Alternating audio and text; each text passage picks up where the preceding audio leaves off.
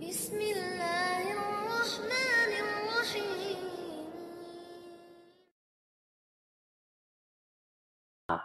Ini yang jadi masalah, Pak. Kata mereka apa? Kami punya dalil yang menunjukkan bahwa alat musik halal. Kami punya dalil. Emangnya cuma situ yang punya dalil. Kami juga punya dalil, ya, bahwa alat musik itu halal. Nah, inilah. Kita akan paparkan apa dalil mereka. Lalu kita akan bantah satu persatu insya Allah. Mudah-mudahan waktunya cukup. Tinggal sejam lagi soalnya. Ikhwatal Islam, azakumullah wa iyyakum.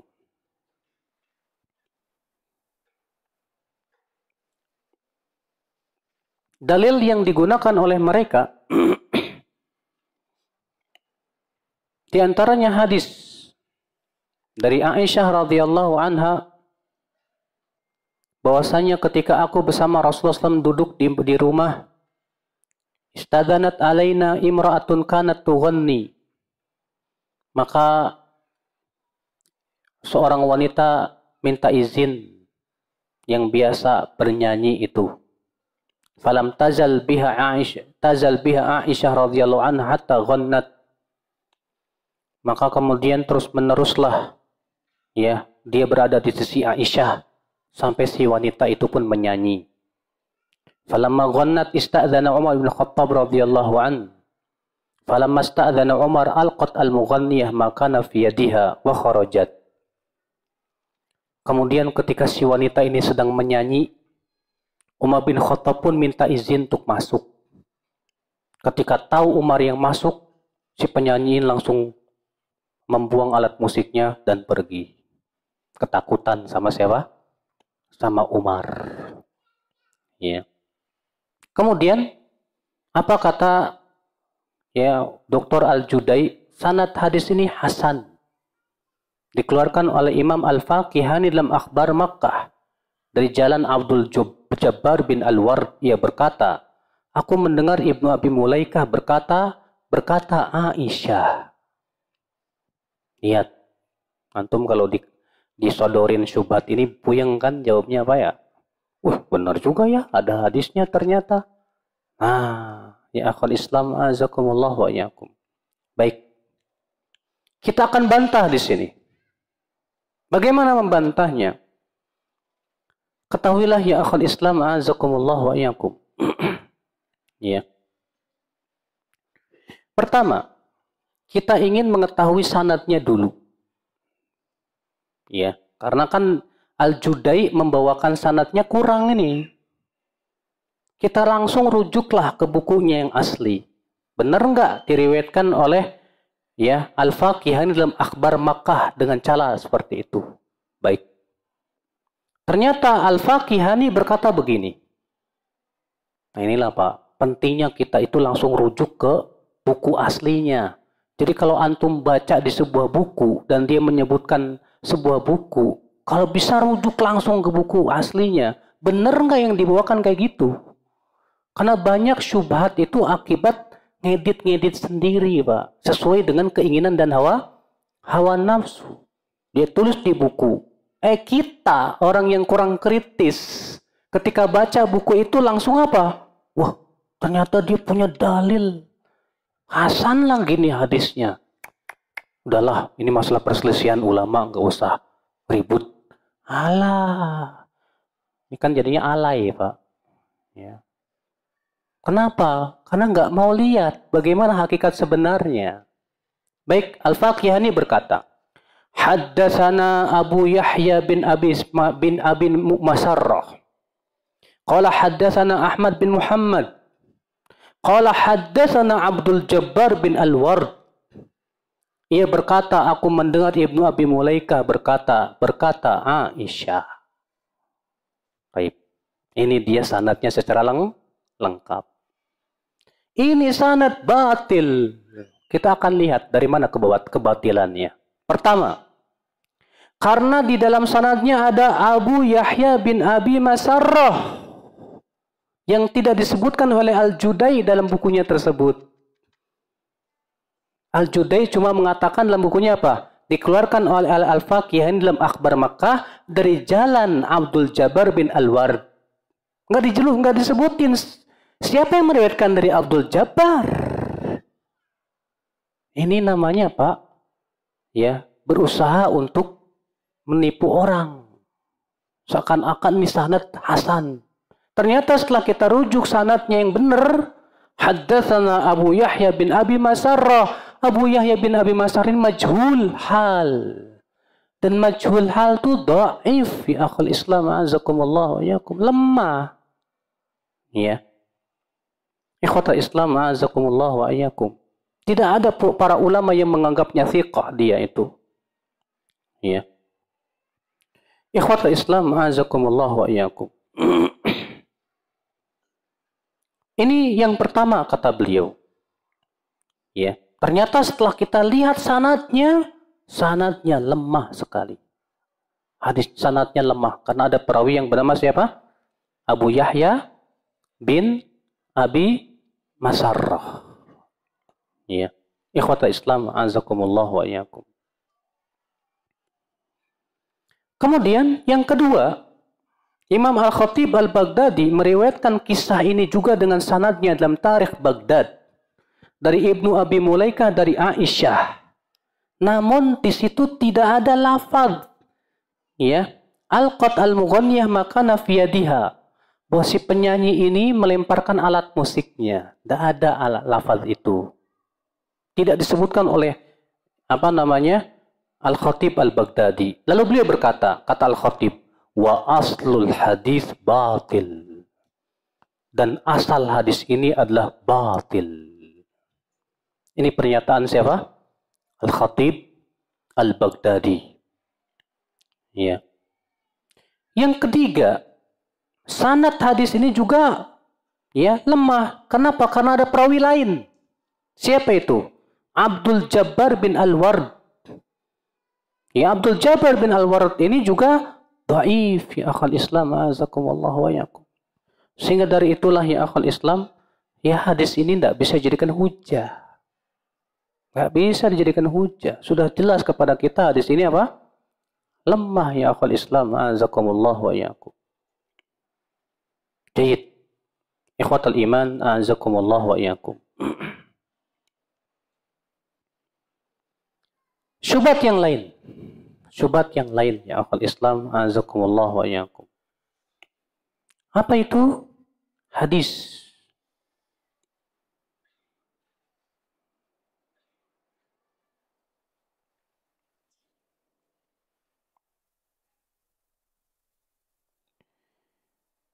Imam Nasai meriwayatkan dari Muhammad bin Hatib dia berkata, berkata Rasulullah SAW, Faslun ma bainal halali wal haram ad-duf was-saut fin nikah.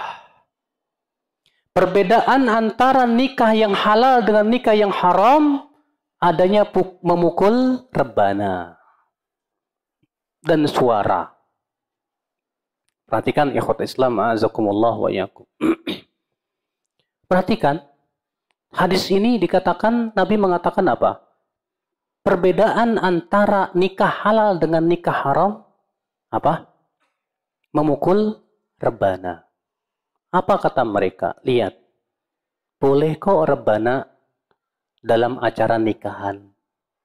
Ya enggak? Berarti kalau dalam acara nikahan, kenapa sih acara nikahan itu? Karena kan itu acara yang sifatnya gembira.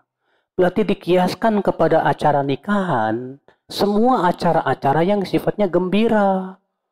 Ya, Contoh misalnya kalau antum lagi gembira lulus dari apa? Lulus apa? Kuliah atau masuk perguruan tinggi negeri. Wah, gembira. Ya udah, sama itu. Gak masalah katanya. Yang penting kan menunjukkan kegembiraan. Nah, ya akal Islam azakumullah wa Coba perhatikan, Pak. Hadis ini memang sahih. Kita katakan hadis ini sahih betul diriwayatkan oleh beberapa para ulama dan lafadznya juga berbeda-beda namun satu. Dan saya katakan juga hadis ini sahih. Cuma masalahnya mas, mengkiaskan dengan acara nikah. dengan acara yang lain ini tanda, tanda tanya besar sekali. Lihat Nabi mengatakan apa? Perbedaan antara nikah yang halal dengan nikah yang haram adalah memukul rebana. Apa sih yang diinginkan oleh Nabi dari memukul rebana? Kenapa Nabi mengatakan mukul rebana itu perbedaan? Kata para ulama, ini maksudnya untuk mengiklankan nikah supaya nikah itu terlihat dengan jelas. Karena perbedaan nikah yang halal dengan nikah yang haram itu, yang satu nikahnya sembunyi-sembunyi, nggak ketahuan. Ini namanya kayak orang berzina, Pak. Yang satu jelas ada pukul rebana, jadi orang-orang tahu, oh ini ada pernikahan. Kota Islam, azakumullah wa yakum. Sehingga, ya, ilat ini sama dengan hadis lain. Nabi bersabda, a'linun nikah Ya, iklankan nikah secara terang-terangan. Iklankan nikah secara terang-terangan. Ini namanya ilat.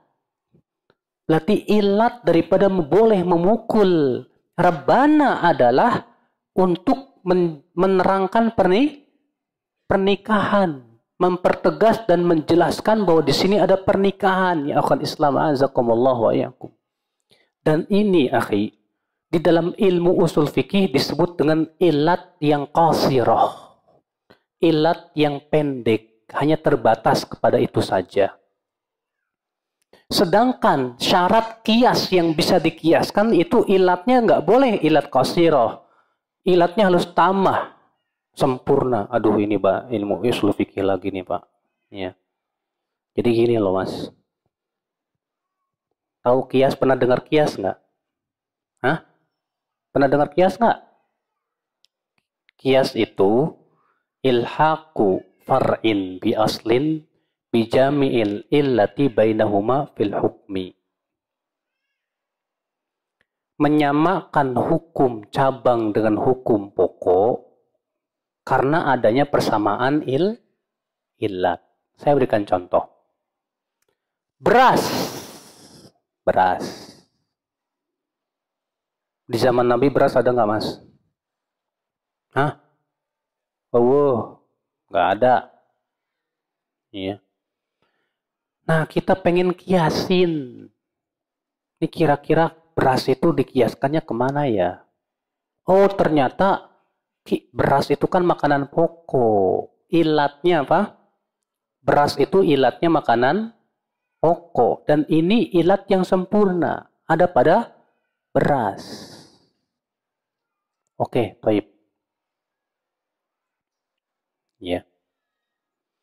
Ternyata di zaman Nabi ada gandum. Gandum makanan pokok enggak?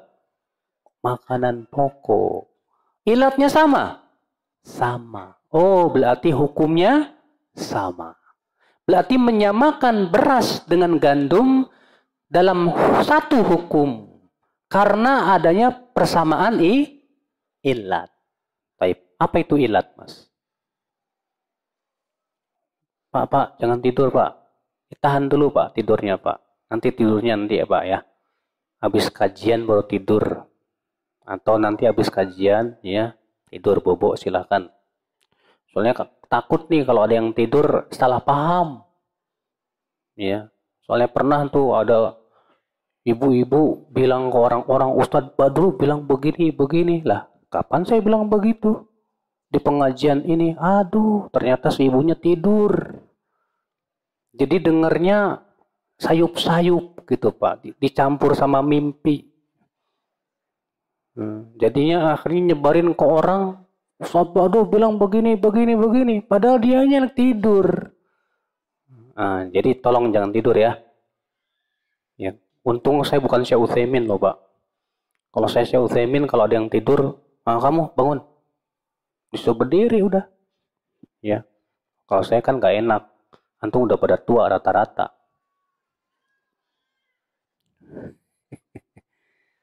Taib, apa itu ilat? Ilat sama ulat deket-deket lah. Ya. Ilat dalam ilmu usul fikih artinya wasfun dohirun mundobitun ghairomulgon sifat yang tab yang tampak dan tetap dan diakui oleh syariat. Apa itu? Ilat itu apa? Sifat yang tampak dan tetap. Inilah ilat yang diterima sifat ilat yang diterima itu seperti ini. Sifat yang tampak dan tetap. Terus diakui oleh syariat. Berbeda kalau syariat tidak mengakuinya, maka tidak bisa diterima. Saya berikan contoh. Arak. Kenapa arak haram? Karena warnanya merah, Ustadz. Wis, kok merah? Kan ada arak yang warnanya putih, ada arak yang warnanya selain merah, oh berarti itu sifatnya tidak tetap. Berarti tidak diterima. Paham tidak Pak? Arak. Diharamkan kenapa? Karena itu cairan. Tak dulu air juga cairan. Ya.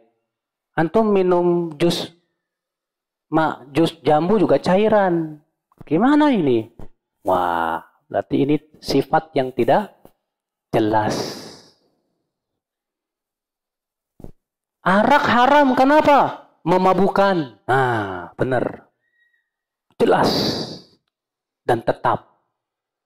Karena apa? Memabukan. Oh, berarti ilat haramnya arak apa? Memabukan. Taib. Narkoba bikin mabuk nggak, Pak? Mabuk. Oke, kalau gitu sama nggak hukumnya? Sama. Apa tuh ya? Ganja. Bikin play nggak Pak? Iya. Mabuk. Hukumnya sama nggak? Ilatnya ada? Sama ilatnya. Karena ilatnya sama memabukan, haram. Hukumnya sama. Berarti apa? Harap haram. Ikhwata Islam azakumullah wa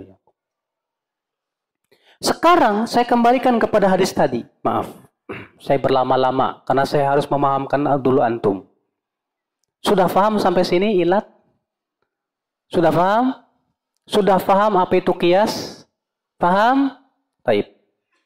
Sekarang orang yang berdalil dengan hadis Aisyah tadi, perbedaan antara Muhammad bin Hatib ya dari hadis Muhammad bin Hatib perbedaan antara nikah yang halal dengan nikah yang haram memegang memukul apa? Rebana. Taib. Dia mengkiaskan bahwa yang namanya nikah itu ilatnya adalah gembira. Kita katakan maaf. Ini namanya tahkik ilat yang salah. Kenapa? Karena Nabi mengatakan perbedaan antara nikah yang halal dengan nikah yang haram memegang apa? Memukul rebana. Kenapa mukul rebana dikatakan pembeda? Karena untuk mengiklankan. Mengiklan apa? Pernikahan. Ini ilatnya dia. Dalam rangka mengiklankan nikah. Untuk membedakan antara yang benar dengan yang yang nggak benar akal Islam. Makanya kalau antum kawin lagi diam-diam nggak nggak benar itu nggak sesuai syariat. Kan saya mau melaksanakan sunnah Ustadz Ta'adud. Iya, tapi cara cara kawinnya juga, cara nikahnya harus sesuai sunnah juga. Diiklankan, jelas. Bukan sembunyi-sembunyi, mas. Maaf, itu selai yang apa? Iklan aja apa? Ada yang lewat. Ya. Kita katakan, Nabi mengatakan A'linun nikah, iklankan nikah. Paham? Baik. Kata-kata a'linun nikah, iklankan nikah. Berarti Nabi menyuruh supaya nikah nikah itu betul-betul apa? Terlihat. Iya enggak, Pak?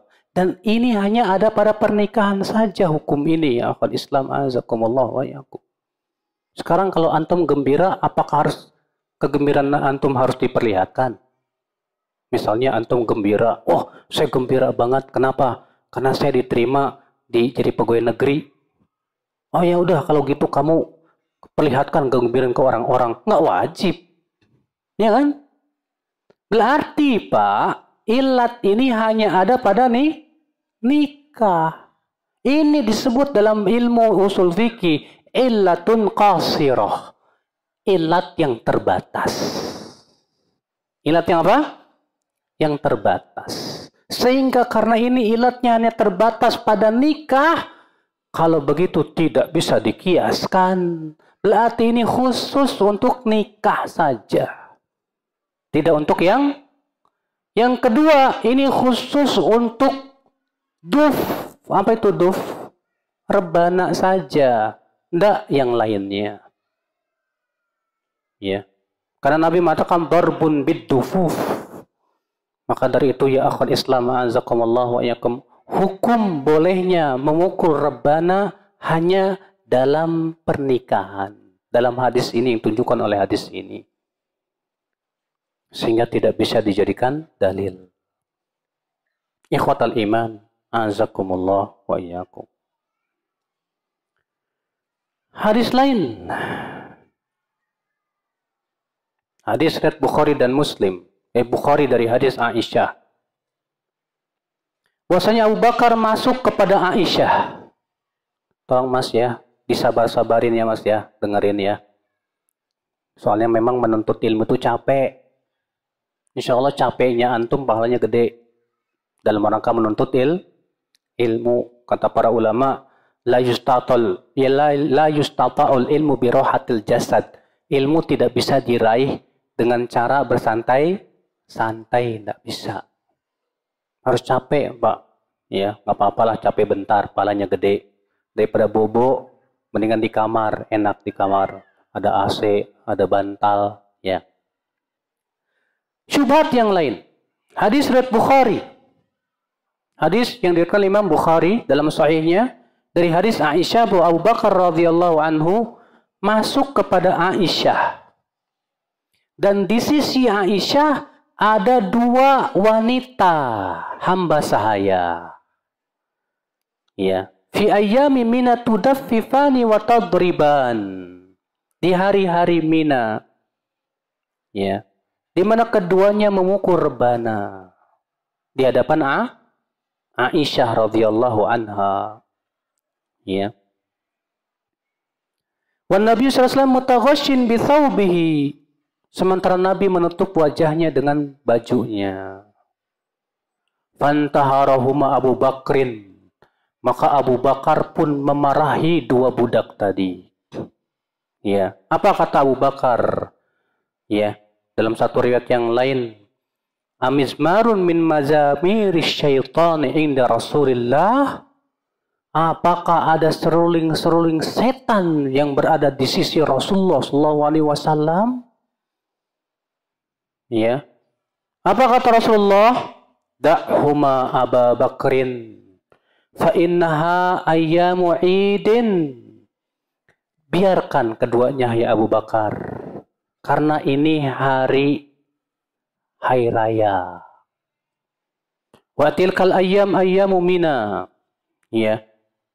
Dan itu adalah hari-hari Mina. Ikhwata Islam, azakumullah wa iyakum. ya. Baik ya akhi, azakumullah wa iyakum.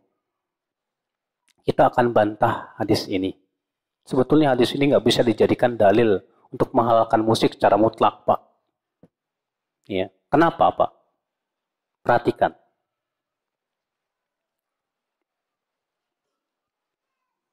Nabi Shallallahu Alaihi Wasallam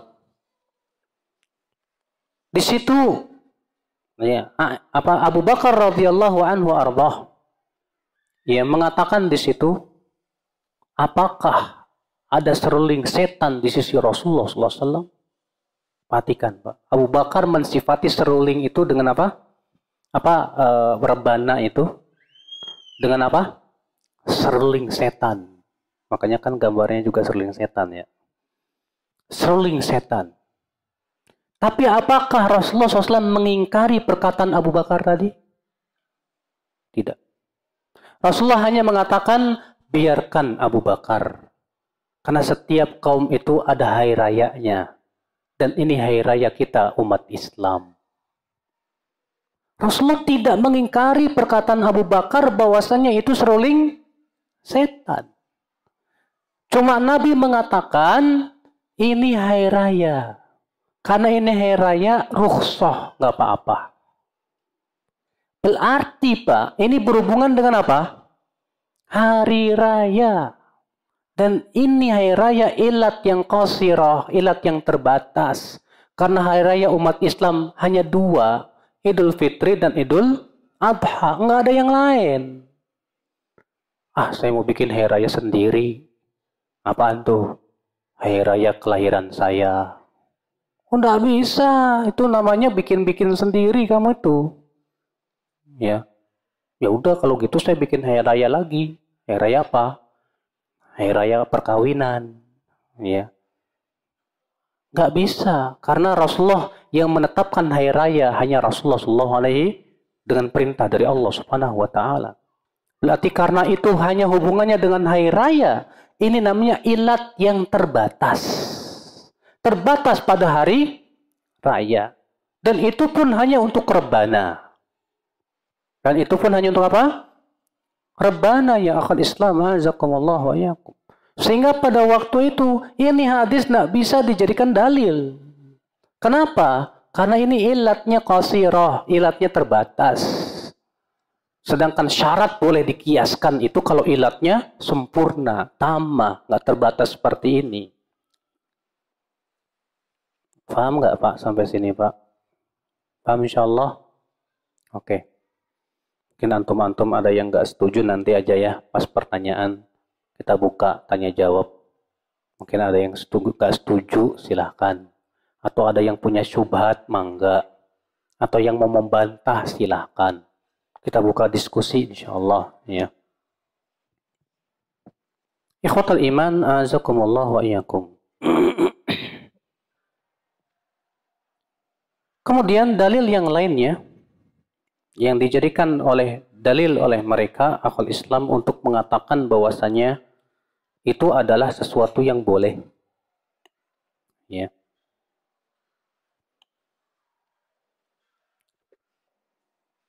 hadis tentang seorang wanita hitam yang ketika Rasulullah pulang dari peperangan kemudian apa? Memukulkan rebana. Ya. Hadis itu dari Imam Ahmad dengan sanad yang sahih.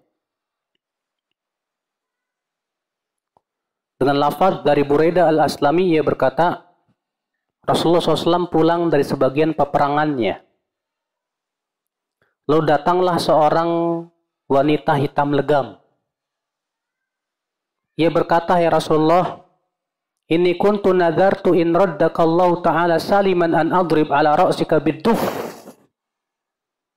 Ya Rasulullah, aku bernadar. Ya Rasulullah, aku bernadar jika Allah kembalikan engkau dengan selamat, aku akan memukul rebana di kepalamu.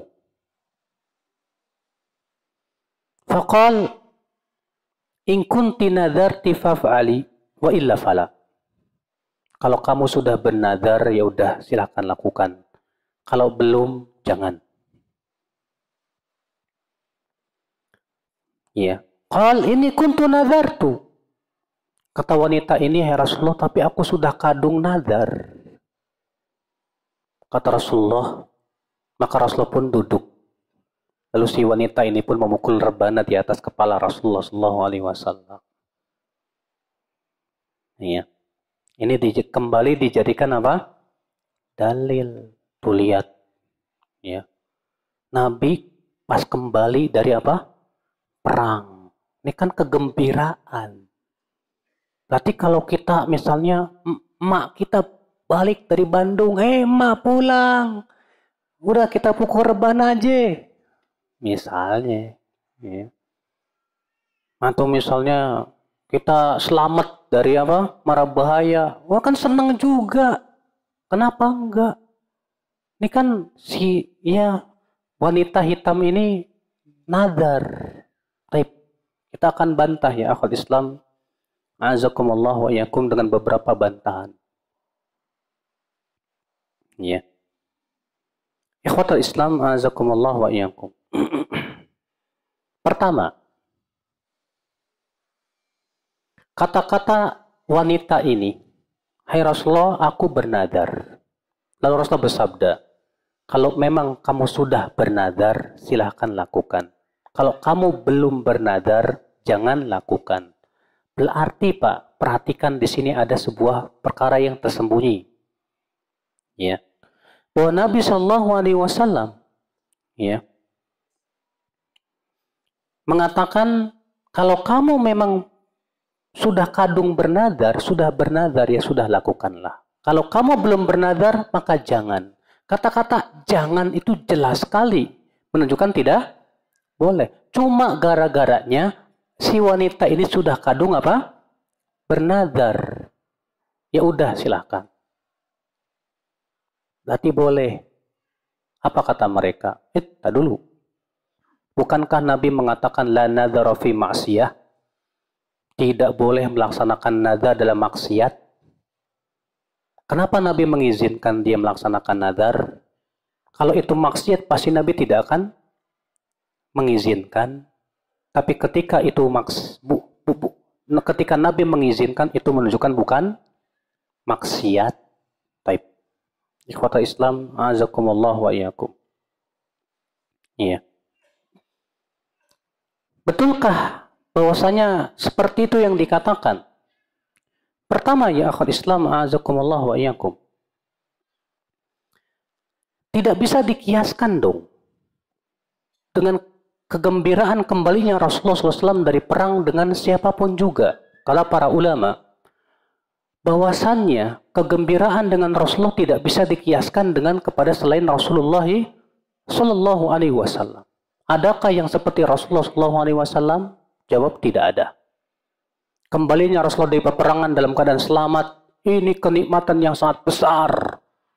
Ya, maka dari itulah yang akal Islam tidak bisa dikiaskan. Kenapa? Karena ini ilatnya kembali qasirah.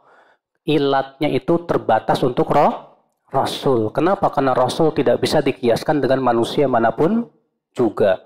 Karena ilatnya terbatas tidak bisa dikiaskan. Sedangkan syarat kias itu adalah kalau ilatnya menular kepada yang lainnya juga sempurna jadinya. Ya. Ikhwatal Islam azakumullah wa iyyakum. Yang kedua, ini disebut dalam ilmu usul fikih dengan dengan nama waqai'ul a'yan. Kejadian yang terjadi pada individu tertentu saja. Yang kebetulan Rasulullah mengizinkan. Ya. Sedangkan waqi'atu ain kata para ulama la umuma laha tidak bisa dikatakan itu umum untuk semuanya boleh. Sementara ini waqi'atu ain kejadian yang terjadi pada salah satu ini individu yang kebetulan udah kadung dia bernadar. Sehingga pada waktu itu kata para ulama ini waqi'atu ain tidak bisa dikiaskan lagi. Dan tidak bisa dikatakan ini umum untuk semuanya boleh, tidak bisa. Karena ini namanya waqi'atu ain secara ilmu usul fikih ya akhul Islam azakumullah wa iyyakum. Ya. Oleh karena itulah ya.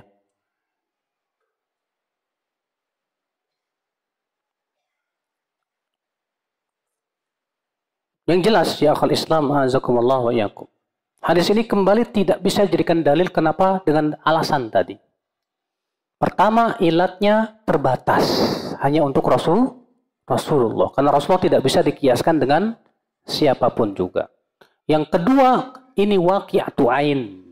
Sedangkan waqi'atu ain dalam ilmu usul fikih la umum laha tidak bisa di dianggap umum. Ya. Hadis lain. Syubhat yang lain. Masih 20 menit. Tinggal 20 menit lagi, akhi. Ya, sabar ya. Syubhat yang lain. Hadis yang dari Imam Ahmad dalam musnadnya dari Nafi Maula Ibnu Umar. bahwa Ibnu Umar mendengar suara seorang penggembala yang sedang meniup seruling. Lalu Ibnu Umar menutup apa? Telinganya dengan jari. Lalu Ibnu Umar berkata kepada Nafi, hey Nafi, masih kedengeran enggak? Nafi berkata, masih. Terus Ibnu Umar menutup. Dan Ibnu Umar bertanya lagi ke Nafi, masih. Sampai Nafi mengatakan sudah tidak terdengar. Maka pada waktu itu Ibnu Umar melepaskannya.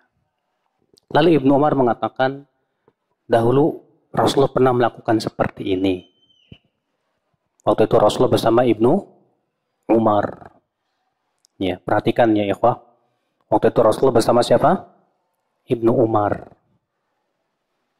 Kemudian terdengar suara strolling. Maka Rasulullah menutup. Dan Rasulullah bersabda kepada Ibnu Umar, masih kedengaran enggak? Masih, kata Ibnu Umar. Terus sampai tidak terdengar lagi, baru Rasulullah melepas. Apa kata mereka? Kalau itu maksiat, tentu Rasulullah memerintahkan Ibnu Umar cocok telinga dong. Tapi ketika Rasulullah membiarkan Ibnu Umar mendengar, maka pada waktu itu menunjukkan boleh. Gimana Pak jawabnya Pak? Hah? Nah inilah ya akhi. Pertama,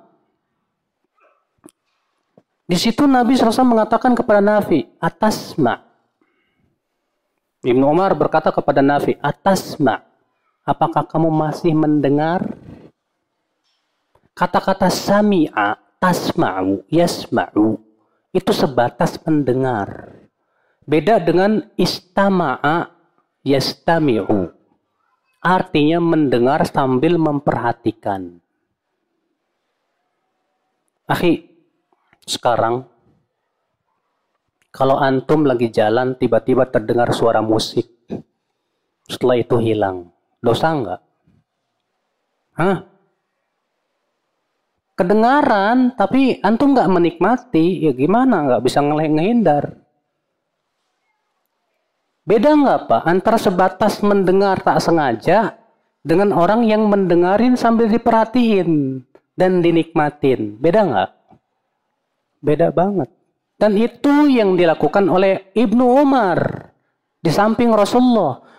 Terdengar maka Rasulullah langsung apa? Kalau dua-duanya begini, siapa yang mau dengerin sudah kedengeran apa enggak kan gitu kan? Tapi membiarkan Ibnu Umar supaya tahu masih kedengaran atau tidak. Sebab kalau itu halal, Nabi tidak akan menutup, Pak. Kalau itu halal, Nabi tidak akan menutup. Tapi Nabi yang menutup, dibiarkan Ibnu Umar supaya ketahuan masih kedengaran atau tidak. Itu mendengar di sini bukan artinya mendengar memperhatikan, beda, beda. Nah, sekarang kalau antum masuk ke mall, di mall biasanya ada musiknya nggak mas? Susah dong Ustadz kalau cuma mendengar haram. Kita katakan antum masuk mall, belanja sesuai keperluan.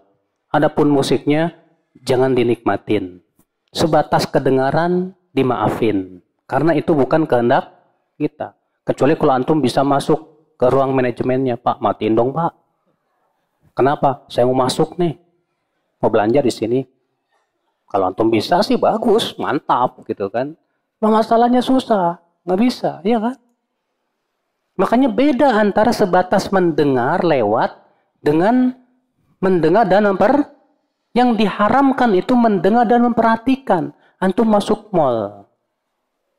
Rupanya ada musiknya asik banget. Ampun belanja ambil gini-gini. Ah, ini mau dengar. Udah namanya menikmati itu, Pak. Ya. Enggak sih kepala saya diem. Kaki ente begini. Ya. Menikmati itu namanya. Nah, kalau sudah menikmati hati kita, enggak boleh. Jadi bedakan akal Islam azakumullah wa yakum. Makanya ya akal Islam ya bahwa ya perkat dalil ini tidak bisa dijadikan hujah sama sekali akal Islam karena di sini Ibnu Umar sebatas mendengar berlalu begitu aja tanpa apa memper memperhatikan. Tentu sangat berbeda antara ini dan itu ya akhul Islam azakumullah wa iyyakum. Ya.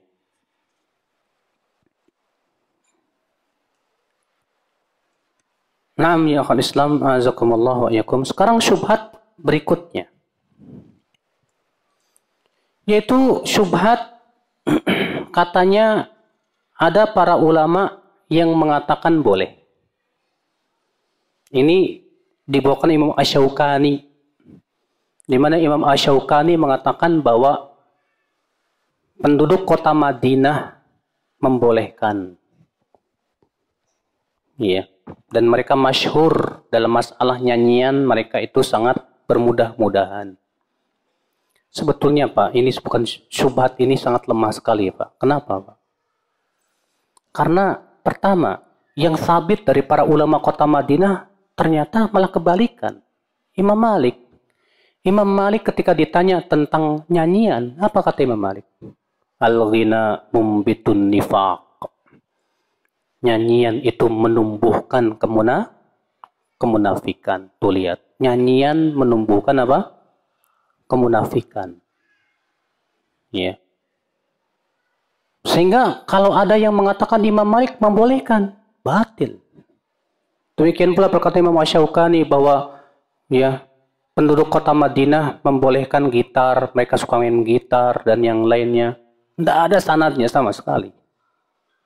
Itu hanya sebatas muja, mujarot klaim, sebatas klaim yang tidak ada apa?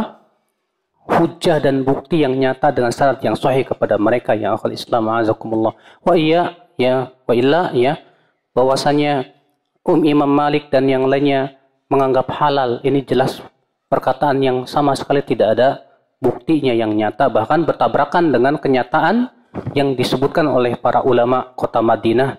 Mereka semuanya tidak menghalalkan ya mereka mengecam nyanyian mereka mengecam musik dan yang lainnya. Taiblah akhul Islam azakumullah wa iyakum kita akan sebutkan ya tentang beberapa syubhat yang lainnya ya.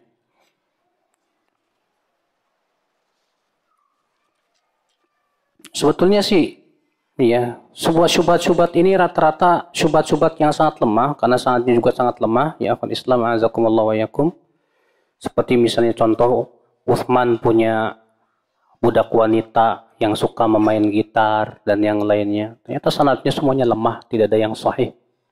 Ya, sehingga tidak perlu saya sebutkan lagi. Akan tetapi ikhwata Islam azakumullah wa yakum. Ini di antaranya adalah syubhat katanya Said bin Musayyib memberikan rukhsah kepada anak wanitanya untuk memainkan tobel.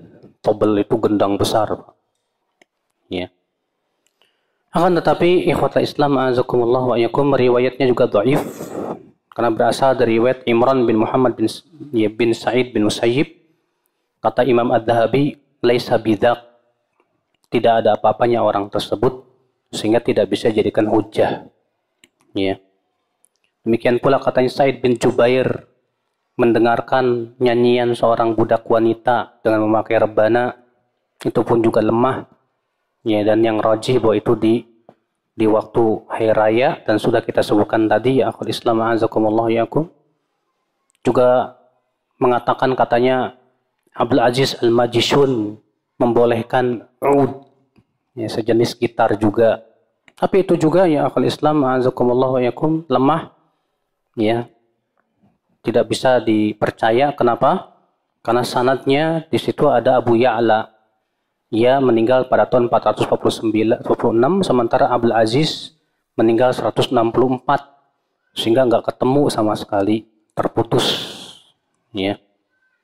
Demikian pula klaim katanya ulama yang bernama uh, apa namanya Yusuf Al-Majishun dan Ibnu Ma'in membenarkan dan membolehkan musik. Semua ini juga ternyata sanatnya lemah tidak bisa jadikan hujah. Yang jelas Pak, tidak ada satupun ulama terdahulu yang mengatakan boleh.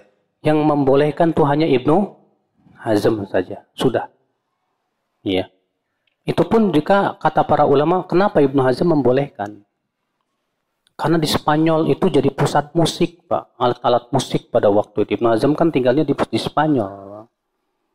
Itu di antara sebab kenapa Ibnu Hazm membolehkan. Wa Ibnu Hazm sebetulnya sih, ya Allah alam, sebagai dikatakan oleh Syekh Al-Bani rahimahullah, beliau berijtihad. Sedangkan Nabi bersabda, Idza ijtahada al-hakim fa asaba, apabila seorang hakim berijtihad dan ia benar ijtihadnya, dapat dapat berapa? Dua pahala. Kalau ia berijtihad kemudian salah ijtihadnya dapat satu pahala. Tapi kalau kita sudah tahu salah ijtihadnya nggak boleh kita ikuti. Dengan alasan ini kan ikhtilaf. Ini yang jadi permasalahan, Pak. Ikhtilaf ulama dijadikan dalih untuk membenarkan dan membolehkan. Ah, ini kan cuma ikhtilaf, masih ikhtilaf ulama, nggak usah diribut-ributin. Entah dulu, ikhtilaf itu ada yang kuat, ada ikhtilaf yang lemah. Kalau ikhtilafnya sama-sama kuat, betul. Kita hormati dan kita katakan, nah silahkan, monggo. Anda merojihkan, silahkan, ikuti. Tapi masalahnya ikhtilaf yang sekarang kita sedang bahas ini lemah sekali, Pak. Lemah sekali dalil mereka alasan yang membolehkan juga sangat lemah sekali. Ya. Dan hujah yang mengharamkan sudah jelas sekali sahih ya akal Islam azakumullah. Bahkan tidak ada sudah kita sebutkan tadi bahwa tidak ada satupun ulama salaf terdahulu yang membolehkan alat musik. Adapun yang diriwayatkan dari Imam Malik, dari Sa'id bin Musayyib, dari ya beberapa tabi'in yang lainnya, ternyata sanatnya pun semua terputus, lemah, tidak ada yang sahih. Maka dari itulah ya akhul Islam azakumullah wa iyakum. Ya. Kewajiban kita adalah jangan melihat pendapat ulama yang kita lihat pendapat Allah dan Rasulnya. Yang kita jadikan parameter itu bukan pendapat ulamanya mas. Tapi kita yang kita jadikan parameter itu qala Allah, qala Rasulullah sallallahu alaihi wasallam. Yang kedua, jangan milih-milih pendapat seenak hawa nafsu. Ya, karena kebetulan antum sedang memang uh, usahanya di bidang itu, jual alat, jual beli alat musik, akhirnya apa? Kayaknya enakan Ibnu Hazm ya. Ah, saya pilih Ibnu Hazm aja deh. Nggak bisa seperti itu dalam masalah tarjih. Dalam memilih pendapat itu adalah kita harus melihat betul mana dalil, mana bukan. Kalau ternyata pendapat imam tersebut dalilnya lemah, nggak boleh kita ikuti ya akal Islam azakumullah wa yakum.